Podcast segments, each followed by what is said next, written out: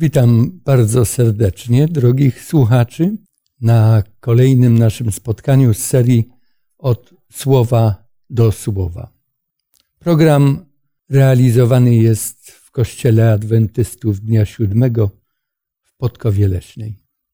Cieszę się, że dzisiaj będziemy mogli otworzyć Słowo Boże, aby mówić o sprawach, które nas, chrześcijan, naprawdę zajmują. Nieraz o tym mówimy, częściej myślimy. Chcielibyśmy znaleźć różne odpowiedzi, aby poczuć się pewniej, lepiej jako dzieci Boże. Dzisiejszy temat dotyczy zagadnień komunikowania się Boga z nami i nas z Bogiem wzajemnej relacji, wzajemnego słyszenia, reagowania na szczególnie nasze potrzeby. Ostatnio w całym świecie, świecie medycznym, dosłownie świecie medycznym, to, co stało się w szpitalu w Olsztynie, poruszyło wielu specjalistów z dziedziny ratowania życia ludzkiego w ciężkich przypadkach.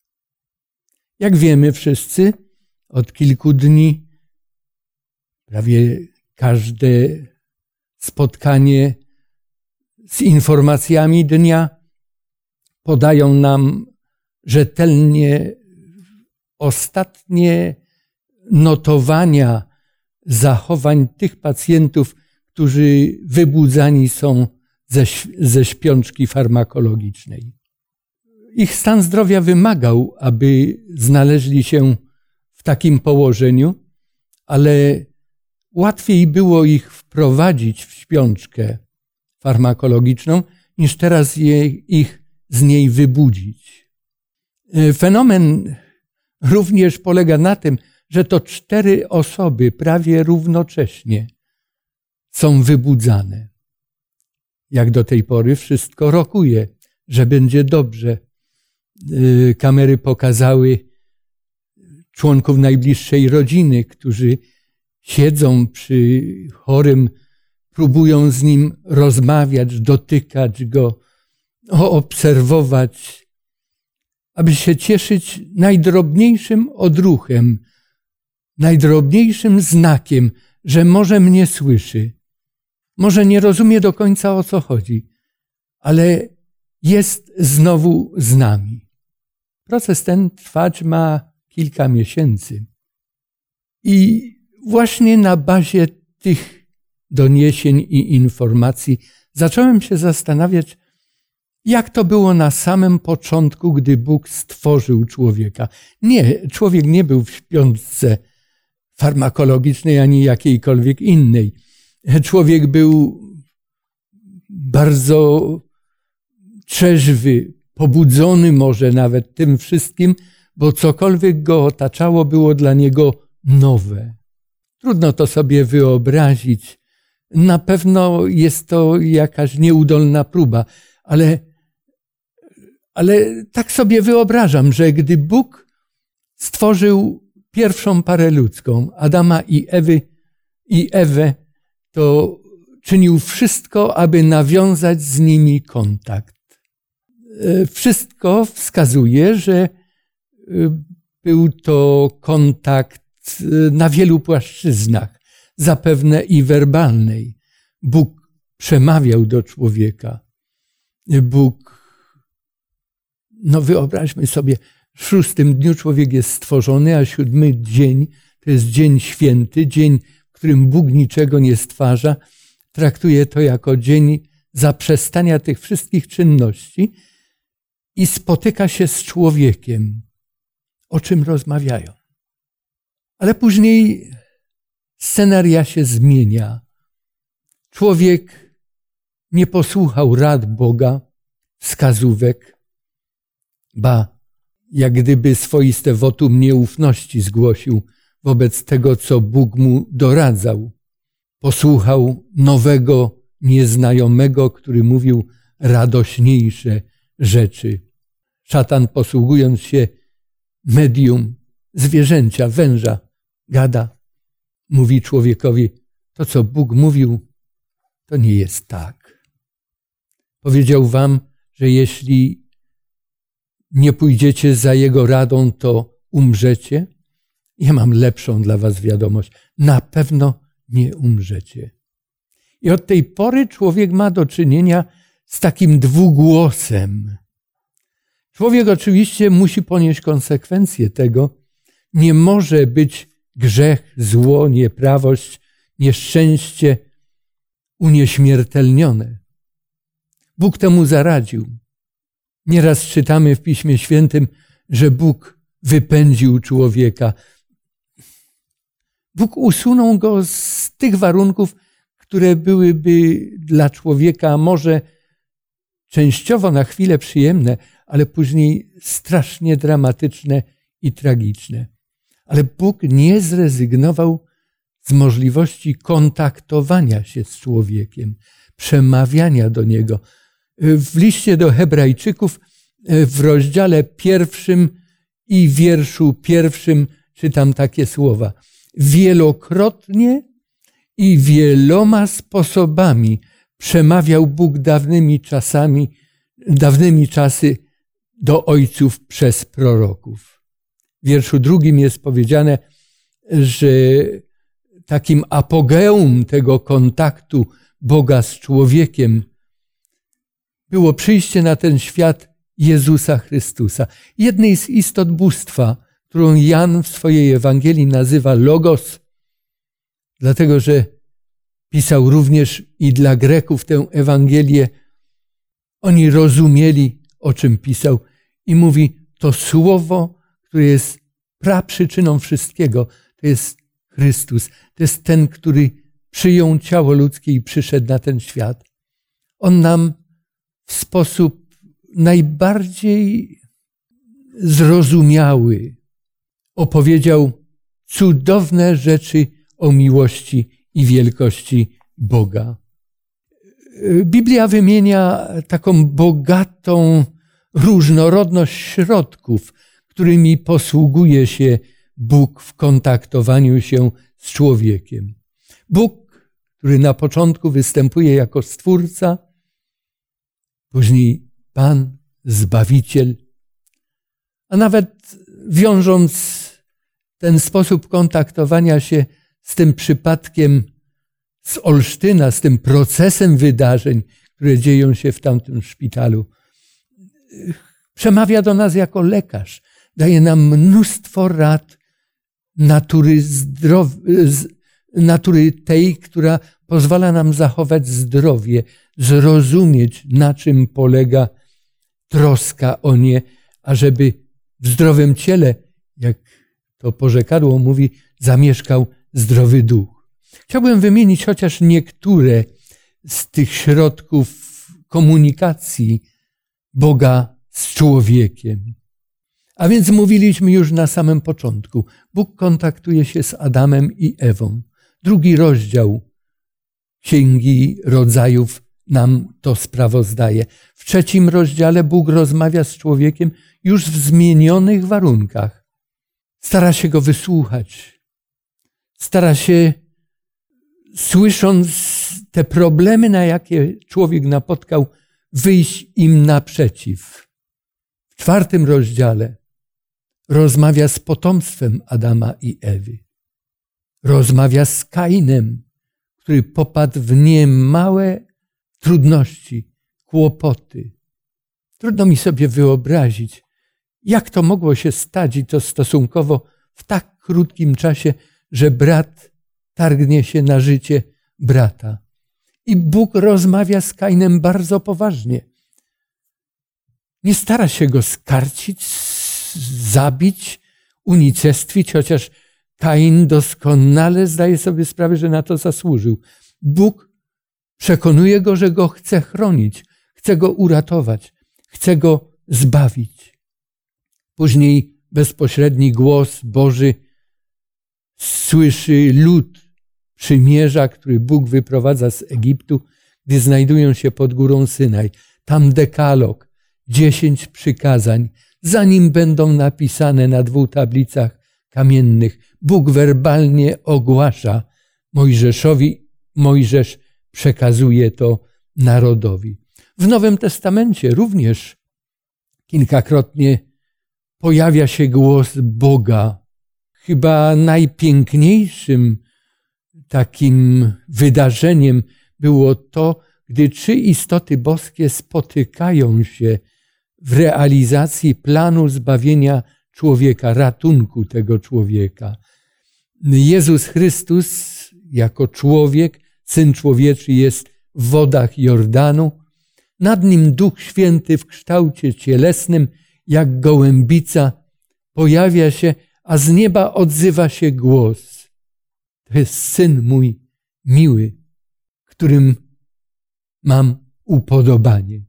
Bóg mówił też do ludzi, do człowieka pośrednio.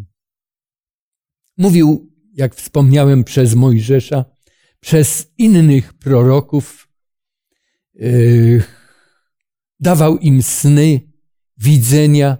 To był też środek, poprzez który komunikował się tak, aby człowiek mógł go dobrze zrozumieć.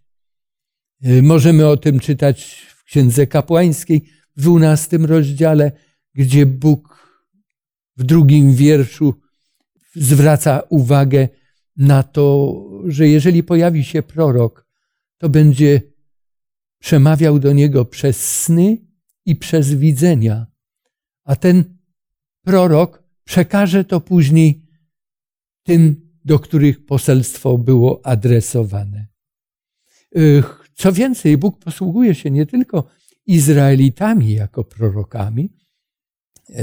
Nebukadnezar, babiloński monarcha, otrzymuje sen. Jeden, później drugi. I dwa rozdziały w księdze Daniela, drugi rozdział i czwarty rozdział wspominają nam o tym, że Daniel tylko wyjaśnia te prorocze sny. Ale tymi, którzy sny otrzymują, a w zasadzie chodzi o jedną osobę, to jest Nebukadnezar, pogański władca, który zresztą później pod wpływem tego przemożnego działania Boga na rzecz Jego zbawienia nawraca się. Również czytamy o tym, że Bóg przemawiał przez aniołów, którzy przyjmowali nieraz postać ludzką, przychodzili do Abrahama, przychodzili do Jakuba, do innych mężów bożych, do patriarchów. Y, Bóg przemawiał też przez świątynię. Y, świątynia to była ta budowla, która zbudowana została najpierw przez Mojżesza i Izraelitów na pustyni synajskiej. Wszystko, co tam się działo, to była jedna wielka lekcja poglądowa na temat zbawienia człowieka, na temat tego, jak zostanie uratowany, co Bóg ze swej strony uczyni.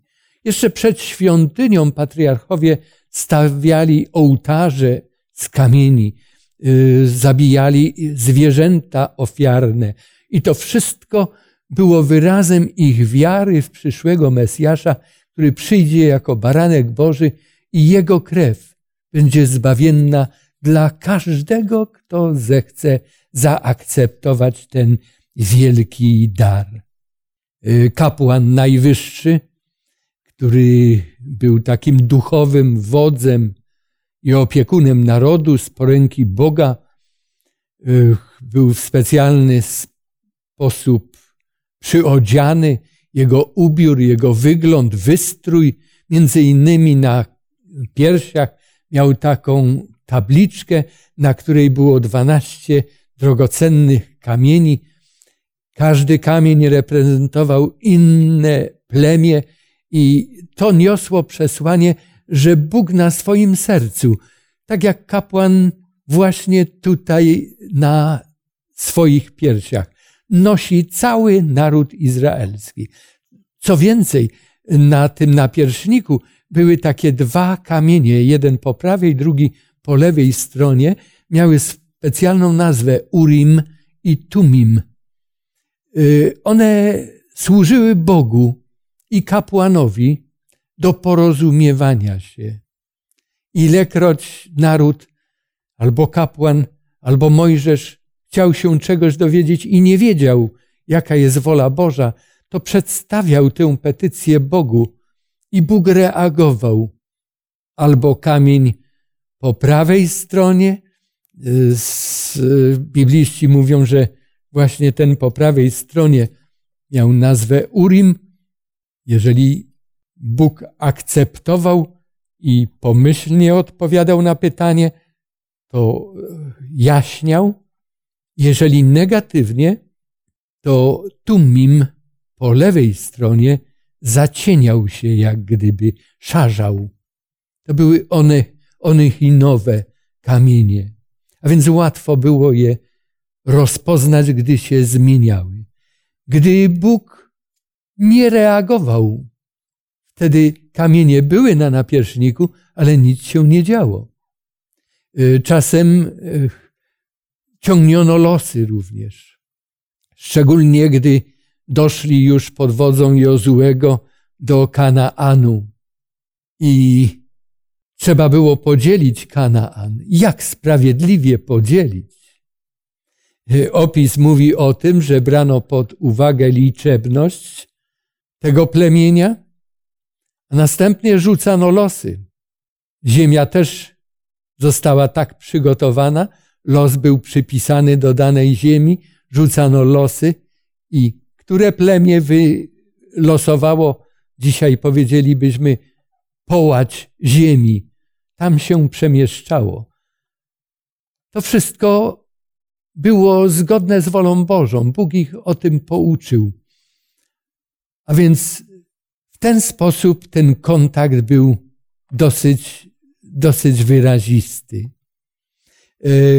Głos sumienia to kolejny sposób, przez który Bóg przemawia do nas. Głos, jak nieraz mówimy, Ducha Świętego poprzez nasze sumienie. W liście do Rzymian apostoł Paweł, gdy widocznie w Rzymie istniała taka kwestia i zapotrzebowanie na zrozumienie losu tych, którzy nie spotkali się z Biblią, narodów ościennych, pogan, którzy czcili różne bóstwa. Jak z ich zbawieniem będzie? Czy Bóg nimi się w ogóle interesuje, czy nie? W drugim rozdziale apostoł Paweł w liście do Rzymian napisał bardzo ciekawe słowa. Chciałbym odczytać z wami ten tekst z listu apostoła Pawła do Rzymian z drugiego, później z trzeciego również rozdziału. Może najpierw z drugiego, od wiersza trzynastego. Gdyż nie ci, którzy zakonu słuchają, są sprawiedliwi u Boga, lecz ci, którzy zakon wypełniają, usprawiedliwieni będą.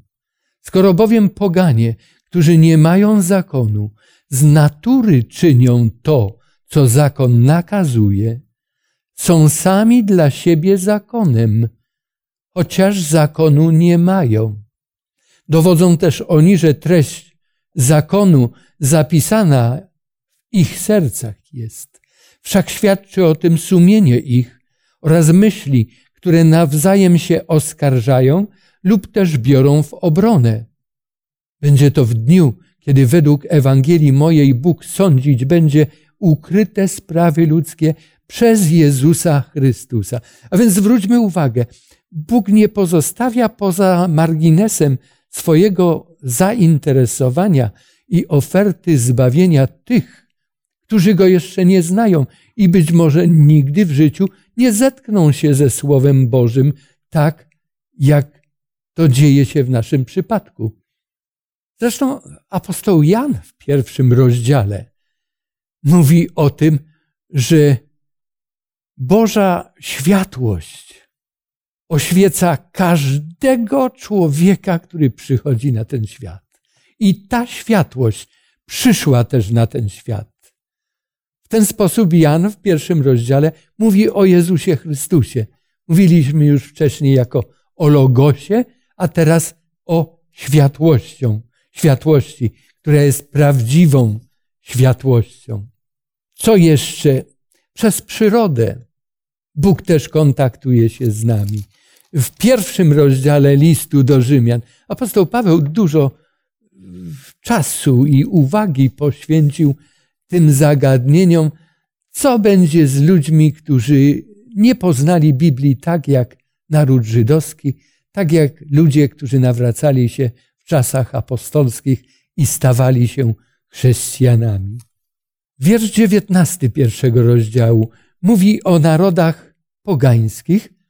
Niektórzy z nich mieli sposobność poznać Boga, odwrócili się od Niego, podjęli własną decyzję. Nie chcą z Nim nic wspólnego mieć. Ale wiersz dziewiętnasty nas informuje, że Bóg nie jest obojętny wobec nich, ponieważ to, co o Bogu wiedzieć można, jest dla nich jawne, gdyż Bóg im to objawił. Bo niewidzialna Jego istota, to jest wiekuista Jego moc i bóstwo, mogą od stworzenia świata być oglądane w dziełach i poznane umysłem, tak, że nic nie mają na swoją obronę, dlatego że poznawszy Boga, nie uwielbili Go jako Boga i nie złożyli Mu dziękczynienia, lecz znikczemnieli w myślach swoich, a ich nierozumne serce pogrążyło się w ciemności. Mieli, mienili się mądrymi, a stali się głupi. Na czym to głupstwo polegało? Paweł kontynuuje. Zamienili chwałę nieśmiertelnego Boga na obrazy. Obrazy przedstawiające śmiertelnego człowieka, a nawet ptaki, czworonożne zwierzęta, płazy. Moglibyśmy czytać dalej. Jeżeli ktoś jest zainteresowany, niezwykle interesujący jest ten cały pierwszy rozdział. Być może znajdziemy tam niektóre zagadnienia, z którymi mocujemy się w obecnym czasie na płaszczyźnie moralności nas, ludzi, stworzonych na obraz i podobieństwo Boże.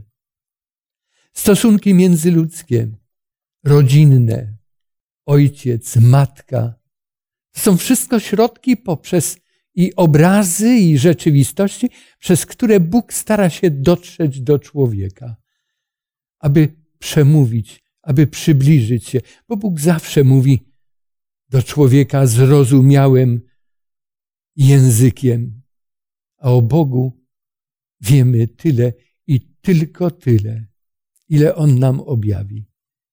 A rozumiemy z tego, co nam objawia tyle, ile mieści się w naszych pojęciach, które ukształtowane były przez życie, przez doświadczenia. Ojciec inaczej rozumie Boga, ojciec, który ma dzieci tutaj na tej ziemi, inaczej rozumie Boga jako ojca.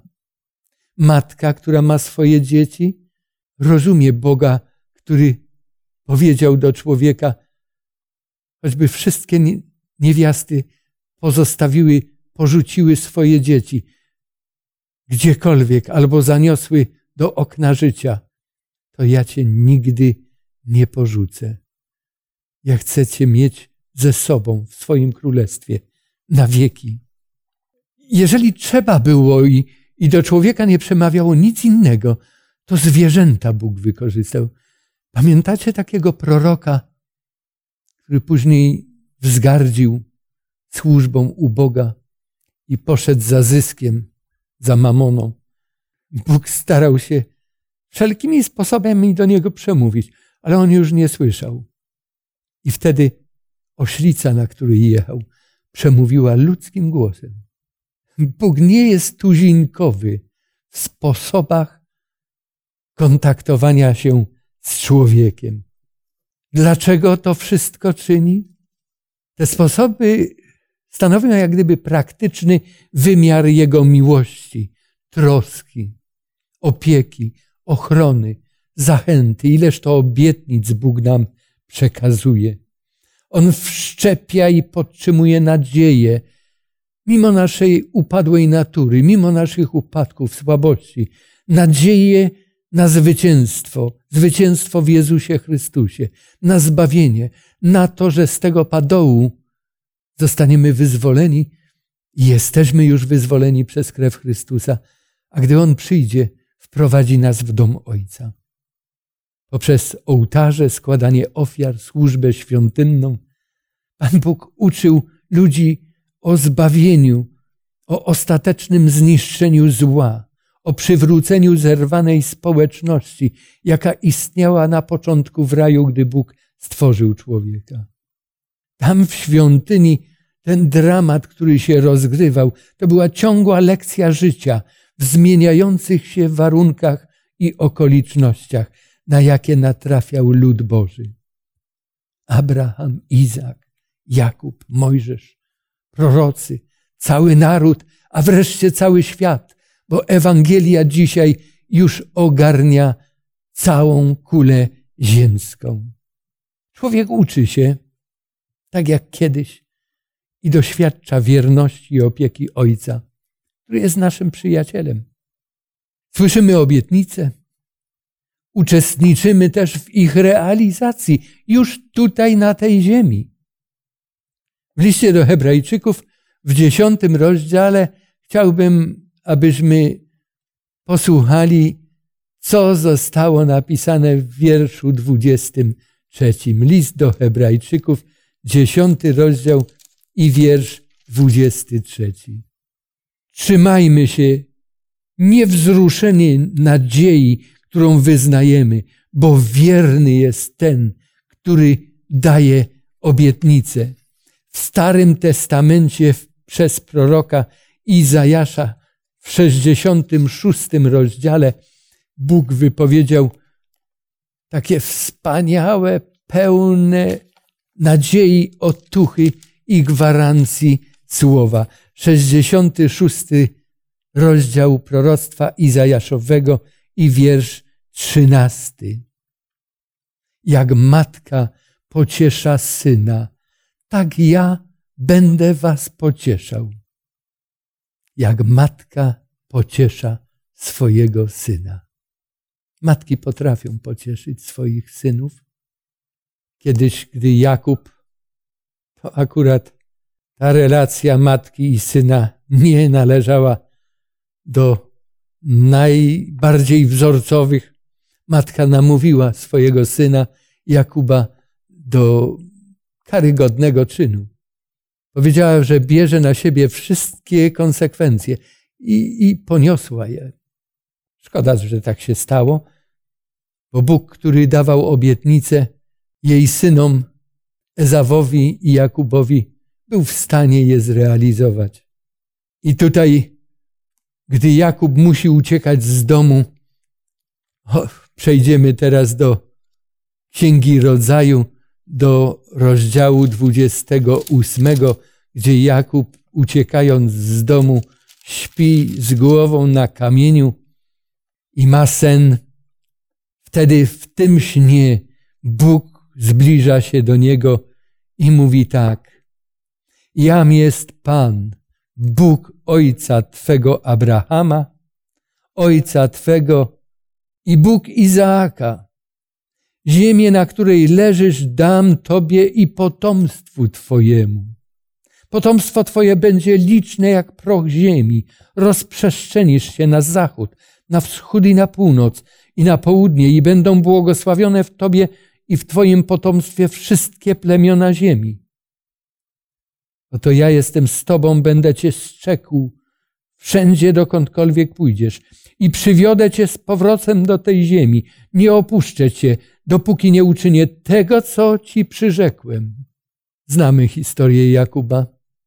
Bardzo trudna, bardzo burzliwa, ale w końcu zwycięska też musiał ponosić wiele doczesnych konsekwencji swoich błędów, potknięć i braku wiary i ufności w to, co Bóg mu przyobiecał. I gdy jego syn, o którym już był przekonany, że nie żyje, już go opłakał, dowiedział się, że jest w Egipcie, jest zarządcą Egiptu, jest postacią drugą po faraonie i zaprasza go, bo w krainie, gdzie był Jakub ze swoimi synami i ich rodzinami, był straszliwy głód. Gdy już zaproszenie oficjalne od Józefa i faraona przyszło, że Jakub dostanie najlepsze tereny tam w Egipcie, to wtedy Jakub zapewne rozmawia z Bogiem i w tej samej księdze w rozdziale 40 e, już i wierszu 17, 46 nawet wierszu czwartym Bóg mówi nie bój się iść do Egiptu. Idź. Tam umrzesz, ale stamtąd nawet twoje kości będą wyniesione. Ty będziesz i należysz tutaj do tej ziemi kananejskiej. Inni otrzymywali również takie obietnice. Psalmista w psalmie 23 i w wierszu czwartym, dlatego, że zna te Boże obietnice i zapewnienia, mówi, choćby mnie prowadził ciemną doliną, doliną cienia śmierci, nie będę się bał złego Boże, bo Ty jesteś ze mną. Twoja laska i kij, jak laska i kij pasterski dla owiec, tak dla mnie mają tak wielkie znaczenie. Twoje obietnice są gwaran gwarancją pomyślności. A jak jest dzisiaj? Czy nadal możemy korzystać z tych możliwości? Czy Bóg nadal chce się z nami tak, jak kontaktował się z narodem w Starym Testamencie, kontaktować się i z nami? Odpowiedź jest prosta. Tak. Chociaż nie ze wszystkich możliwości i sposobności możemy korzystać, z jakich korzystali starotestamentowi wierzący. Dzisiaj już nie ma świątyni, dzisiaj nie ma Urim i Tumim, dzisiaj nie ma obłoku, słupa obłoku i słupa ognia, który prowadził naród izraelski. Ale inne, a wyliczyliśmy ich tutaj sporo, istnieją. Jednak głównym i najbardziej wyraźnym przekazem jest Pismo Święte, to co napisane jest w tej właśnie księdze. Starożytni nie mieli tej księgi. Starożytni nieraz, zanim Bóg przez proroka coś im objawił, to błądzili. Kiedyś Chrystusa zapytano, dlaczego ojcom powiedziano inaczej, a nam inaczej. Tam chodziło o kwestie matrymonialne. A Jezus Chrystus mówi, dla zatwardziałości ich serc. A były też czasy, kiedy nie mieli żadnego jeszcze na ten temat światła, aczkolwiek światło było, na które powoła się później Chrystus. Na początku był Adam i Ewa, jeden mąż i jedna żona. Ale oni nie potrafili tego przeczytać. W cudzym słowie mówię przeczytać, zrozumieć. Nie w tych kategoriach. Obracali się że, i rozumowali. Inna była ich rzeczywistość, która ich otaczała. Obecnie natomiast Pismo Święte jest ogólnie dostępne dla wszystkich mieszkańców ziemi. Kiedyś Chrystus opowiedział przypowieść o bogaczu i łazarzu. To jest Ewangelia Łukasza, 16, tak, 16 rozdział. I tam ten bogacz później na końcu w tej przypowieści prosi, mówi, niech ktoś pójdzie i powie tym ludziom, jak powinni się zachowywać. A wtedy Abraham również w przypowieści pojawia się i mówi, mają Mojżesza i proroków, niech ich słuchają. Jeśli nie słuchają Mojżesza i proroków, to nawet gdyby ktoś z martwych powstał, a więc gdyby nawet cuda się działy, to nie uwierzą. No i tak też było. Chrystus, który czynił wiele cudów, ludzie już tak do tego przywykli, że nauczeni w piśmie, faryzeusze przychodzili do niego i mówili, a tak naprawdę to powiedz nam, dlaczego mielibyśmy ci uwierzyć, Jaki ty szczególny znak potrafisz uczynić? Jeszcze potrzebowali znaków. A gdy wzbudził Łazarza, to chcieli zabić i Łazarza, i Chrystusa. Dlatego Pismo Święte mówi nam, Apokalipsa również, błogosławiony kto czyta, ci, którzy słuchają i zachowują to, co tu jest napisane. Czas jest bliski. A Paweł dwukrotnie w pierwszym liście do Koryntian w dziesiątym rozdziale i wierszu trzynastym i w, również w liście do Rzymian w rozdziale piętnastym i wierszu czwartym mówi, cokolwiek przedtem napisane zostało, zostało zachowane dla nas, ku naszej nauce. Dla nas, na których już kres wieku nadchodzi. Zapisane to zostało, abyśmy przyjmowali to, co Bóg nam daje, wierzyli, ufali Mu, ale nie postępowali tak, jak sprawozdanie biblijne wskazuje, postępowali ludzie, którzy odwracali się od Boga, chociaż należeli do Jego Kościoła w Starym Testamencie, abyśmy nie poginęli tak, jak oni poginęli. Już czas chyba, ażebyśmy posłuchali trochę muzyki, a później, jeżeli będziecie mieli życzenie i zadacie jakieś pytania, to będę próbował do nich się ustosunkować.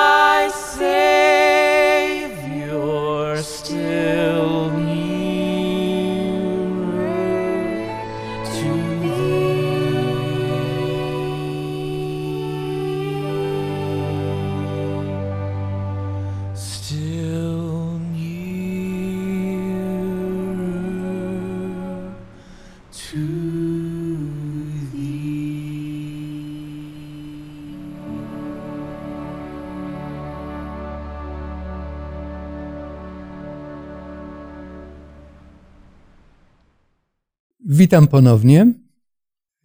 Otrzymałem kilka pytań, do których będę chciał się ustosunkować. Helena pyta, czy Bóg kontaktuje się z nami poprzez odwiedziny istot z innych światów? Tak, chodzi mi o UFO. Czy to rzeczywiście odwiedziny, czy jakieś fenomeny psychiczne tworzone przez szatana, aby nas zwieść? Osobiście niewiele wiem na temat UFO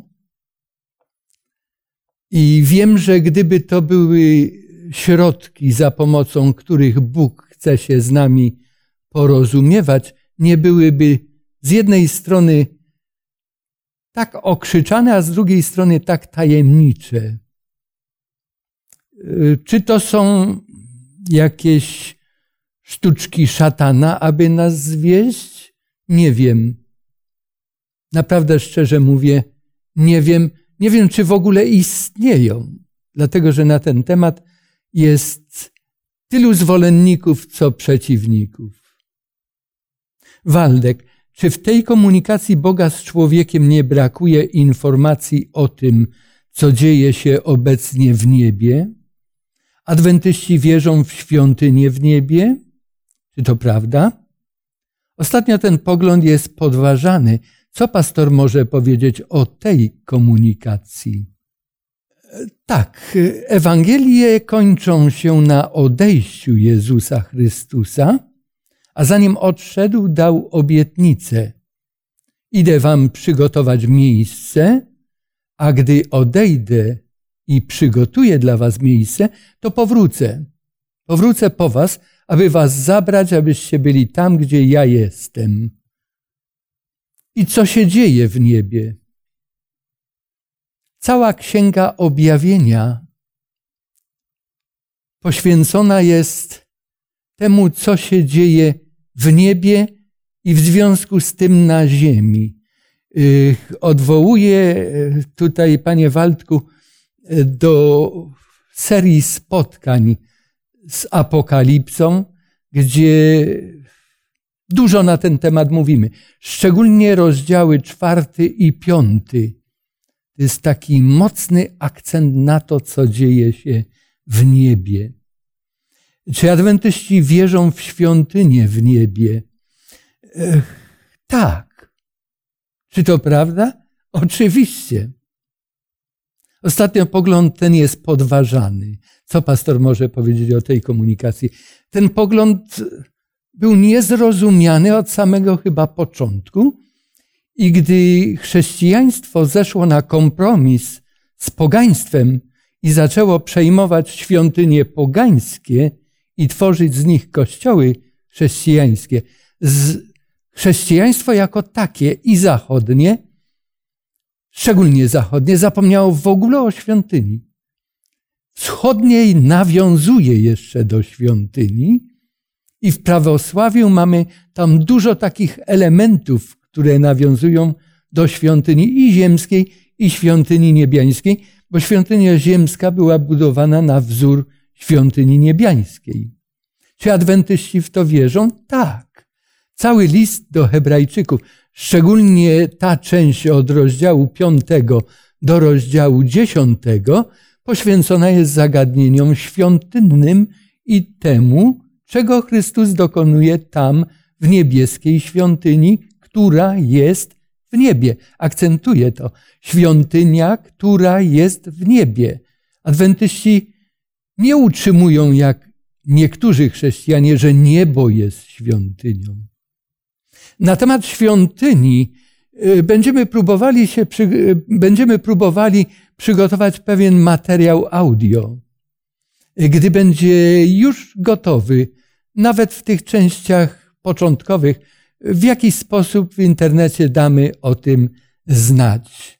Ale y, naprawdę mnie osobiście szkoda kościołów, które przeniosły służbę Jezusa Chrystusa na samych siebie. świątynie na świątynie na kościoły chrześcijańskie, a kapłaństwo Chrystusa, a nawet ofiarę Jezusa Chrystusa na to, co w tych kościołach niegdyś pogańskich czynią do dzisiejszego dnia. E, Katarzyna, w jakim stopniu można traktować Biblię jako wiarygodne źródło komunikacji Boga z człowiekiem? Czy nie spisali jej ludzie w zamierzchłych czasach i do dziś może nosić wiele błędów? Tak. To jest prawdopodobne, jeżeli mamy do czynienia z księgą autorstwa ludzkiego, pochodzenia ludzkiego. Biblia utrzymuje, że autorem jest Duch Święty, jest Bóg. Ludzie, prorocy, którzy otrzymywali wizje, sny, w inny sposób dowiadywali się tego, co powinni umieścić w tym, co przekazywali y, adresatom w swoim czasie czy potomnym, y, to traktowali jako, jako materiał, z którego powinni skorzystać i przekazać go sposób zrozumiały y, człowiekowi, do którego zostali posłani. Oni byli tylko pisarzami. Y, do roku, a, do połowy, nawet jeszcze w drugiej połowie XIX stulecia, stulecia, utrzymywano i to teologowie, bibliści utrzymywali y, we wszystkich prawie kościołach chrześcijańskich, że Biblia nie jest tak do końca wiarygodna. Że, że błędy tam musiały się zakraść, no bo najstarszy manuskrypt i to nie rękopis, tylko uznany przez rabinat y, żydowski kanon, y, liczył sobie tysiąc zaledwie lat. Tysiąc lat od Chrystusa do, tego, do, tego, do tej decyzji w Jamnie minęło. I kto wie, co się stało z tą Biblią z czasów apostołów, a tą, którą rabini zatwierdzili, że jest wiarygodna.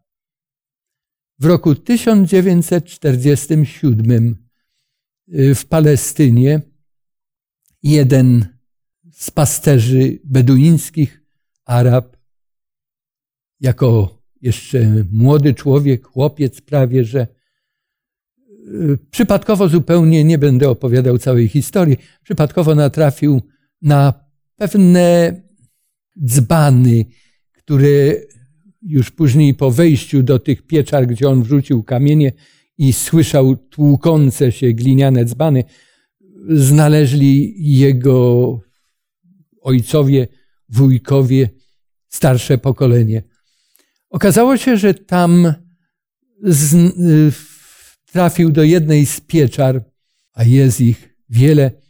Schowana była cała biblioteka ugrupowania żydowskiego, Esyńczyków, którzy przepisywali, tym się trudnili, przepisywali zwoje święte i ich księgi były spisywane od trzeciego pierwszego wieku naszej ery. Trzeciego wieku przed naszą erą do pierwszego wieku naszej ery.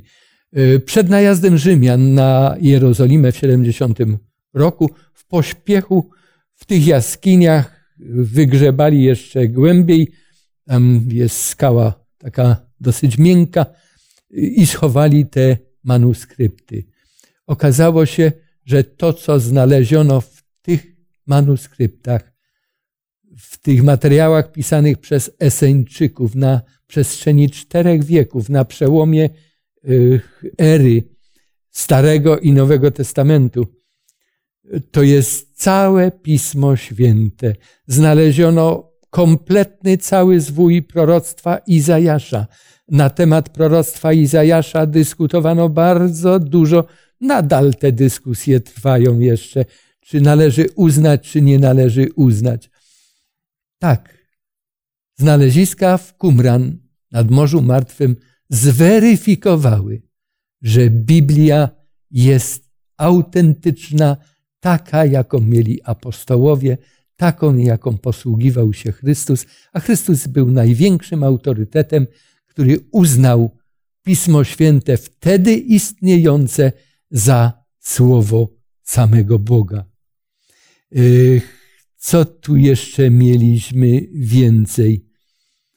Y, tak, mogłaby nosić cały szereg błędów. W niektórych przekładach y, znajdujemy takie jakieś przeinaczenia. Niektóre wyznania tworzą własne przekłady i pod własną własne credo, własną dogmatykę. Niektóre rzeczy starają się tam oddać. Ale na ogół, niezależnie od tego, którym pismem dostępnym nam posługujemy się, mamy do czynienia z autentycznym przekazem woli Bożej. Artur, mam pytanie do pastora. Czy liczbę 144 tysiące Y, z objawienia świętego Jana należy traktować literalnie.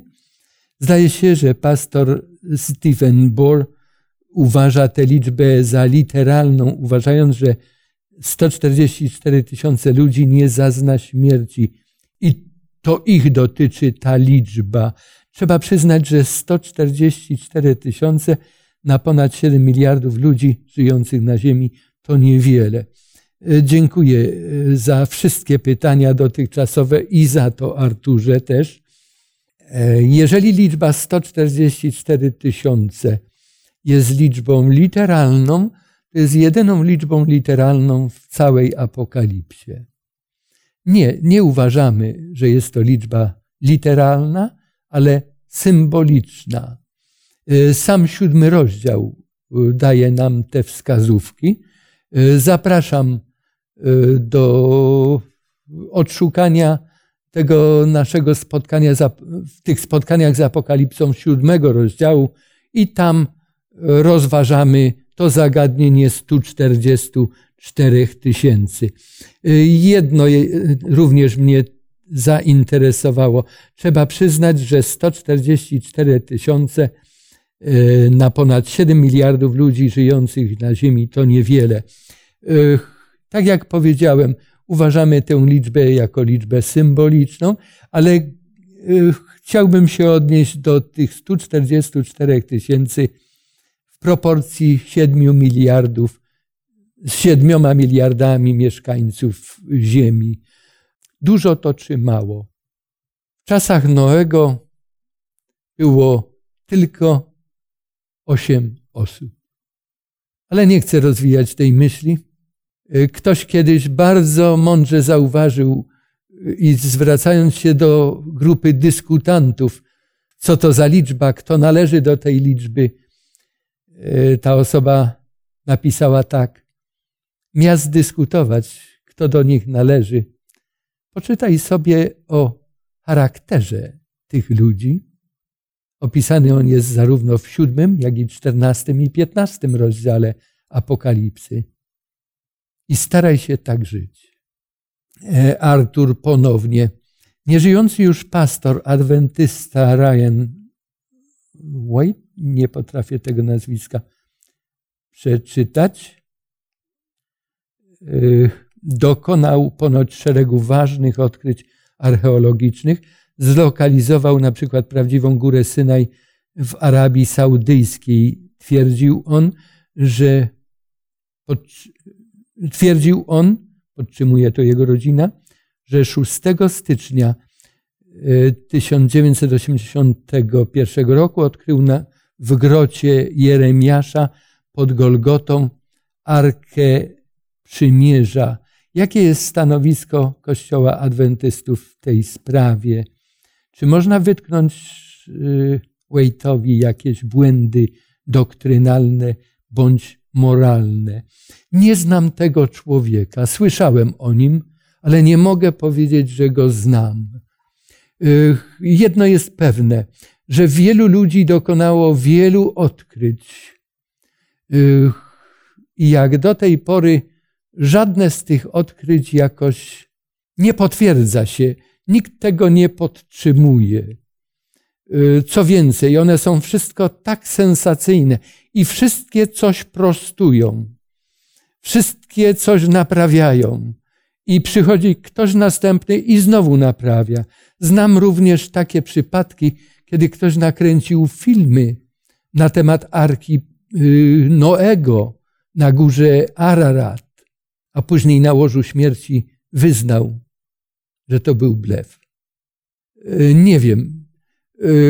Y, sądzę, że jeżeli to będzie istotne, abyśmy tę informację mieli i w jakiś sposób ona będzie oddziaływała na nasze chrześcijaństwo, na nasz stosunek do Boga, to, to tak się stanie. Ale jak do tej pory, tym bardziej, że nie znam tego pastora, poza tym, że tylko słyszałem o nim, trudno mi się ustosunkować, a tym bardziej wypowiedzieć na temat oficjalnego stanowiska Kościoła Adwentystów Dnia Siódmego na temat jego odkryć czy jego samego. E, to byłyby wszystkie pytania. Serdecznie, bardzo serdecznie za nie dziękuję. Życzę Wam, drodzy, wielu, wielu Bożych błogosławieństw i chciałem przeczytać na zakończenie, zanim się pomodlimy, jedną obietnicę, którą Bóg również przekazał za pośrednictwem proroka każdemu człowiekowi, a szczególnie, szczególnie temu, kto już go zna albo znał, jest mu wierny albo był mu wierny. Posłuchajmy z proroctwa Izajasza 48 rozdziału tekstów od, przepraszam, przepraszam bardzo, rozdział 46 Izajasza, nie 48, a 46.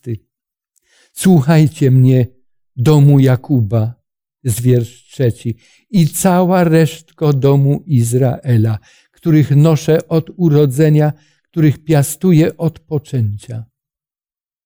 Do kogo Bóg adresuje to przesłanie? Do domu Jakuba i do resztki domu Izraela. Rzecz charakterystyczna, że Jakub i Izrael to ta sama postać.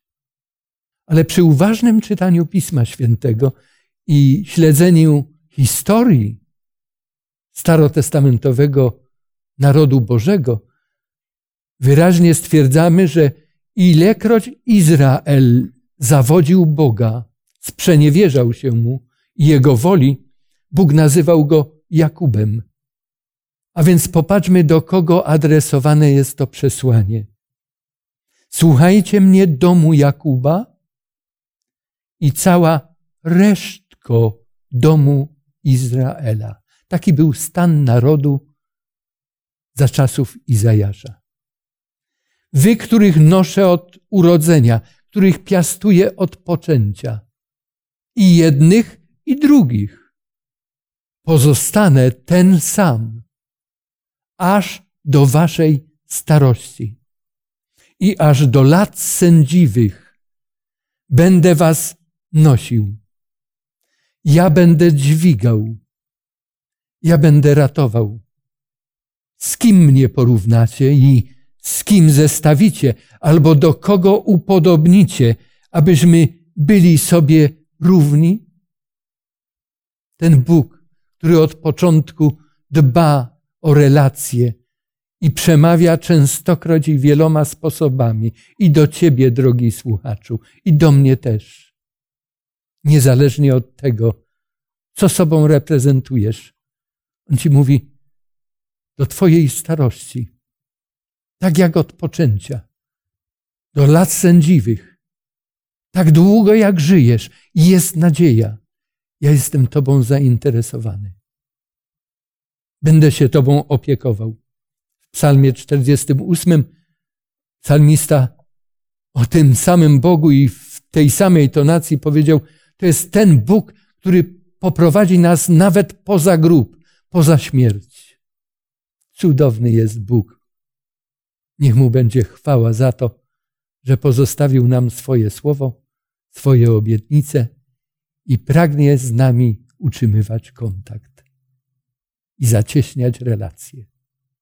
Drogi niebiański Ojcze nasz w imieniu Jezusa Chrystusa chcę Ci podziękować za to, że jesteś i prosić o Twoje szczególne błogosławieństwo dla każdego z nas, dla każdego słuchacza, dla jego rodziny, jej rodziny, dla tych, którzy dzisiaj nie brali udziału w naszym spotkaniu, dla wszystkich ludzi, dla wszystkich miłośników Twojego słowa i tych, którzy mają problemy, problemy sami z sobą, z grzechem, którzy tracą nadzieję. Bądź z tymi, którzy o Tobie jeszcze nigdy z Twojego słowa nie słyszeli, a są prowadzeni przez ludzkie opowieści. Dopomóż, aby Twoje słowo dotarło nie tylko do ich domu, ale do ich serca, aby zmieniło nas wszystkich i abyśmy z Tobą na wieki mogli być w Twoim Królestwie. Amen.